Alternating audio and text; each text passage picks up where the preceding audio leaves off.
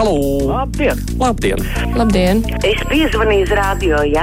Jā, Halo! Nu, Labdien! labdien! halo! Jā, Labdien. radio! Jā, lūdzu! Halo! Jā, Jā. ir problēma. Vajag Nu. risinājumu. Tāruņa numuri mūsu studijā 6722, 888, 672, 559, varat sūtīt ziņas no mūsu mājaslapas, eterā skanošiem raidījumam, un varat arī sūtīt ziņas ar WhatsApp aplikācijas palīdzību pa tālruni 25 660 440. Mums klausītāji jau zvana, tāpēc es celšu klausuli. Labdien, brīvais mikrofons! Labdien! Labdien. Uh, Vakar viena sieviete zvanīja brīvajā mikrofonā un teica, pensionāri beigsim gausties, cik samaksājam nodokļos, tik arī saņemsim. Pensionāri ir daudz, un kur tad valsts ņems naudu? Bet visiem jau nebija tie tūkstoši algās, kāda bija minimāla alga. Ja?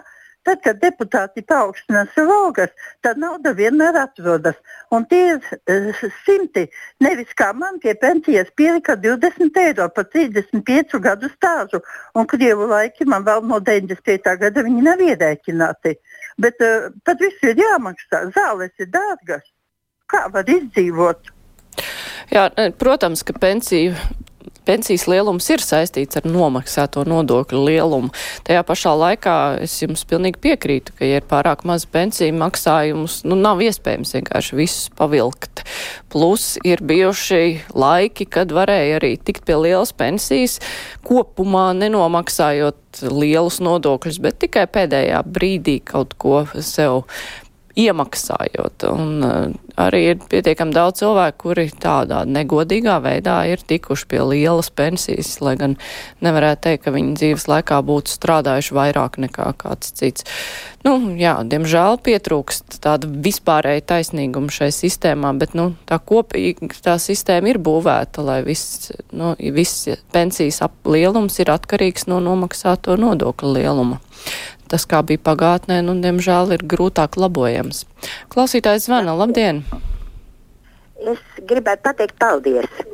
Jums e, ir raidījums as- 17. starpbrīdis, un raidījuma beigās ir kāds desmit minūtes atvēlētas interneta ziņām. Un es gribētu teikt lielu paldies vakardienas e, žurnālistam, kas, eh, kas šīs desmit minūtes, es nezinu, vai tas desmit minūtes vai kā, bet parasti tur tikai noņirdzās un pasakā kāds pārsteigums. Bet vakardien šis žurnālists, man liekas, tas ir Kristaps, es īsti neielāgoju viņa vārdu. Lūk, viņš ārkārtīgi bagātīgi runāja un ļoti, ļoti bagātīgu uh, klāstu pateica. Un es teikšu, tā, tā ir cieņa pret mums, podziņu telefonu īpašniekiem un vispār nu, radioklausītājiem. Tā kā liels paldies Kristapam un es esmu gatava gaid, gaidīt vēl interneta ziņas viņa lasījumā. Paldies par labiem vārdiem! Klausītāja Anna raksta pirms nedēļas, te zvanīja kundze un atstāstīja Kremļa inspirēto un Šleser Glorijas ietekmeļu tiražēto Latvijā viss ir slikti, visa ražošana likvidēta, visas skolas tūlīt aizvērs vēsti. Šai zvanītājai dara radio paklausīties arī no rīta. Piemēram, otrdien bija sižets par jaunu šūšanas fabriku Krāslavā, kas ražos teltis visai pasaulē. Savukārt mītu par to, ka esot plānots slēgt visas lauku skolas, ļoti labi kliedēja Rebaltika savā pirmdienas melu un maldu apskatā. Tā mums Anna raksta. Celšu klausuli, brīvais mikrofons, labdien!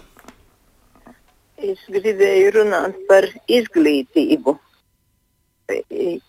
Čākšai nav vietas uh, būt par ministru. Ko viņa dara? Viņa no laukiem cilvēkus pilnīgi dzen projām. Kurš tad dzīvos laukos, ja bērnam vajadzēs uz skolu braukt 15 vai 20 km? Jāceļās agri un jāiet līdz autobusam. Vai tā ir domāšana par mūsu jauno paudzi? Nekādā gadienā. Šākšai par izglītības ministri vietā vietas nav. Viņai ir jādemisionē un jāiet projām. Viņa jau veselības ministrijā uh, sataisīja rupji sakot bardaku. Tagad viņa to dara arī izglītības ministrijā. Ko viņa dara Latvijas laukiem? Viņa ir ienaidnieks Latvijai, ne ministre. Tāds. Jā, nu, paldies par viedokli. Redzam, ka klausītājiem domas skolu jautājumā atšķiras. Klausītāji un raksta skatos, ka te aizdegusies pensiju tēma. Es tik varu piebilst, ka vajag pacelt pensijas invalīdiem, kuri nav strādājuši savā mūžā vismaz līdz izdzīvošanas minimumam. Piekrītu par, tas ir tas vēl viens pensiju sistēmas aspekts, uz ko arī būvē tādās sociāli atbildīgās valstīs pensiju sistēmas, lai tie, kuri var strādāt, tā teikt, maksā par tiem, kuri nevar strādāt. Mēs, protams, tā būvējam, bet, diemžēl, mums naudas pietrūkst visam labajam, ko mēs gribētu redzēt. Gatis raksta, man apnicis redzēt tos vecos vilcienus, kad vienreiz visi būs tie jaunie, pagaidām ir tāds mikslis vecie ar jaunajiem. Tā jau solīja sākumā, ka ielaidīs dažus jaunos, un tad kādu brīdi būs mikslis, bet ar laiku nomainīs visus. Protams, ja tie strādās. Klausītājs zvana. Labdien! Halo! Labdien! Labdien! Labdien. Es, zvanu par skolu, ka likvidē skolas, likvidē pasta nodaļas. Nav naudas, bet mums taču valstī ir izaugsme. Mēs tā kā ejam uz augšu, mums naudas netrūks. Kāpēc likvidē? Un otrs, vai mums valdībā nav par daudz to deputātu? Pat deputātam, cik nav sekretāru? Viņus vajadzētu būt šītiņi, kā saka, līdz 75% nepilniem diviem tūkstošiem iedzīvo, diviem miljoniem iedzīvotāju. Uh, nu, šito te valdības statu samazināt. Tie jau noēd galvenais lielo daudzumu naudas. Vai... Jā, paldies. Nu, tā ir veca un veca diskusija par deputātu skaita samazināšanu, par valsts pārvaldes samazināšanu. Bet citu klausītājs grib ir ierosina, ierosina mums uzaicināt kādu, kas var paskaidrot milzīgo ap, apkuras cenu atšķirības. Atrodas te, klausītājs atrodas Teikas rajonā, un tur cena par kvadrātu metru ir jau 2,95 eiro. Tā pašā laikā Juglā ir 1,7 eiro par kvadrātu metru. Par vienādu platību gandrīz 100 eiro starpība. Pārdaugavā arī stipri lētāk. Nu, es nezinu, vai tas ir mūsu raidījuma temats, bet tas skaidrs, ka tādas lietas cilvēkus interesē un kādam tas ir jānoskaidro.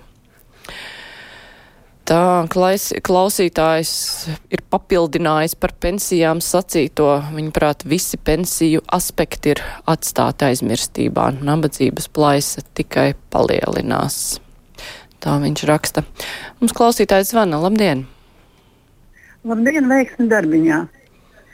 Es nezinu, kā es citādi varētu pateikt milzīgu un neizsakām paldies raidījumā televīzijā. Tas notika šeit veidotājiem. Es tur savu bērnību pavadīju un vidusskolu pabeidzu un neko tik daudz nedzirdēju ne tajos laikos, tālajos 60. gados, ko es piedzīvoju tagad. Paldies viņiem! Klausītāja Alisa raksta, skolas un pasta nodaļas tiek likvidētas, jo nav cilvēku, ne jau tik daudz naudas. Es celšu vēl klausītāju. Mums zvana. Labdien! Brīvais mikrofons. Labdien! Labdien. Zinātniskos izmēģinājumos cenšas samazināt iz, iz, iz, to dzīvnieku izmantošanu. Man liekas, ka nu patās par eksperimentu, eksperimentūru iz, izmantošanu ir paņemti mūsu bērni. Nu, kad vienreiz beigsies tās mm, turpu, šurpu, atpakaļ, tā un šitā, tā un šitā. Nu, tas vai tad tiešām tas nav mobbings valsts mērogā pret bērniem un pret vecākiem? Un tad vēl saka, dzemdējiet bērnus, lai būtu kas strādā un būtu kas maksā nodokļus. Jā, paldies par zvanu. Klausītājs mums raksta, kāpēc tā baidāmies no Trumpa. Trumps bija prezidents un nekāds NATO viņa laikā neizjuka un vai pamatoti satraucamies par Putinu. Viņš parādīja intervijā, ka ir garīgi nevesels un viņa armija jau karo ar Staļina laika tankiem un bruņojumu. To vajadzētu paturēt prātā. Nu, par Trumpu ir vērts varbūt noklausīties mūsu vakardienas raidījumu. Tur eh, politologs Dauns Sauvers ļoti labi izstāstīja atšķirības starp uh, to, kāda bija Trumpa pirmā prezidentūra un ko var sagaidīt no nākamās, kādu soli tālāk viņš varētu spērt saistībā ar NATO. Klausītājs zvana, labdien! Labdien! Labdien! Man ļoti patīk mūsu abu divu personu attaisnošanās, gan iekšlietu ministra, gan Baltmaņa kunga pa jaunajām autocisternām kuras ļoti aktīvi lietot, it kā ļoti traki lūstot. Bet tās autocisternas pa divu mēnešu stāv remonta punktā un krāja putekļus un dubļus. Nekas viņas neremontē garantijas remontā. Un tieciet man, ka beigsies garantijas periods, tad mēs remontēsim viņas pa savām nodokļu maksātāju naudņām, bargiem dāžām. Jā, tas ir interesanti. Tas ir interesanti. Es ceru, ka tur painteresēsies. Par pensijām mums klausītāji raksta, pensijas algas gribam, bet ja kaut ko būvē, tad gan nedrīkst, kur ņemsim. Savukārt cits klausītājs norāda, ka nepareiz bija pati pirmā pensija apreitināšanas sistēma, pilnīgi neiedzīgi apreitināšanas koeficienti pašā sākumā. Un vēl klausītājs raksta, ka tiem, kuri ir maksājuši nodokļus un saņem normālu pensiju, tā ir jāpalielina proporcionāli kā mazās, citādi mēs drīz saņemsim tikpat mazas pensijas kā nemaksātāji, vai ne? Tas bija, nu, tā kā ar tādu ironiju teikts. Protams, ka nemaksātājiem nodokļu nepienāktos tādas pašas pensijas kā nodokļu maksātājiem, bet problēma jau ir tāda, ka cilvēki, kur ir daudzus gadus strādājuši tajā laikā, kad nebija tādas nodokļu, nomaksāto nodokļu uzskaita sistēmas, kad esošā sistēma vēl nestrādāja, ka viņiem ir par uh, lielu, ilgu darbu mazas pensijas. Tā, nu vēl pēdējo zvanu. Labdien, brīvais mikrofons. Jā, labdien.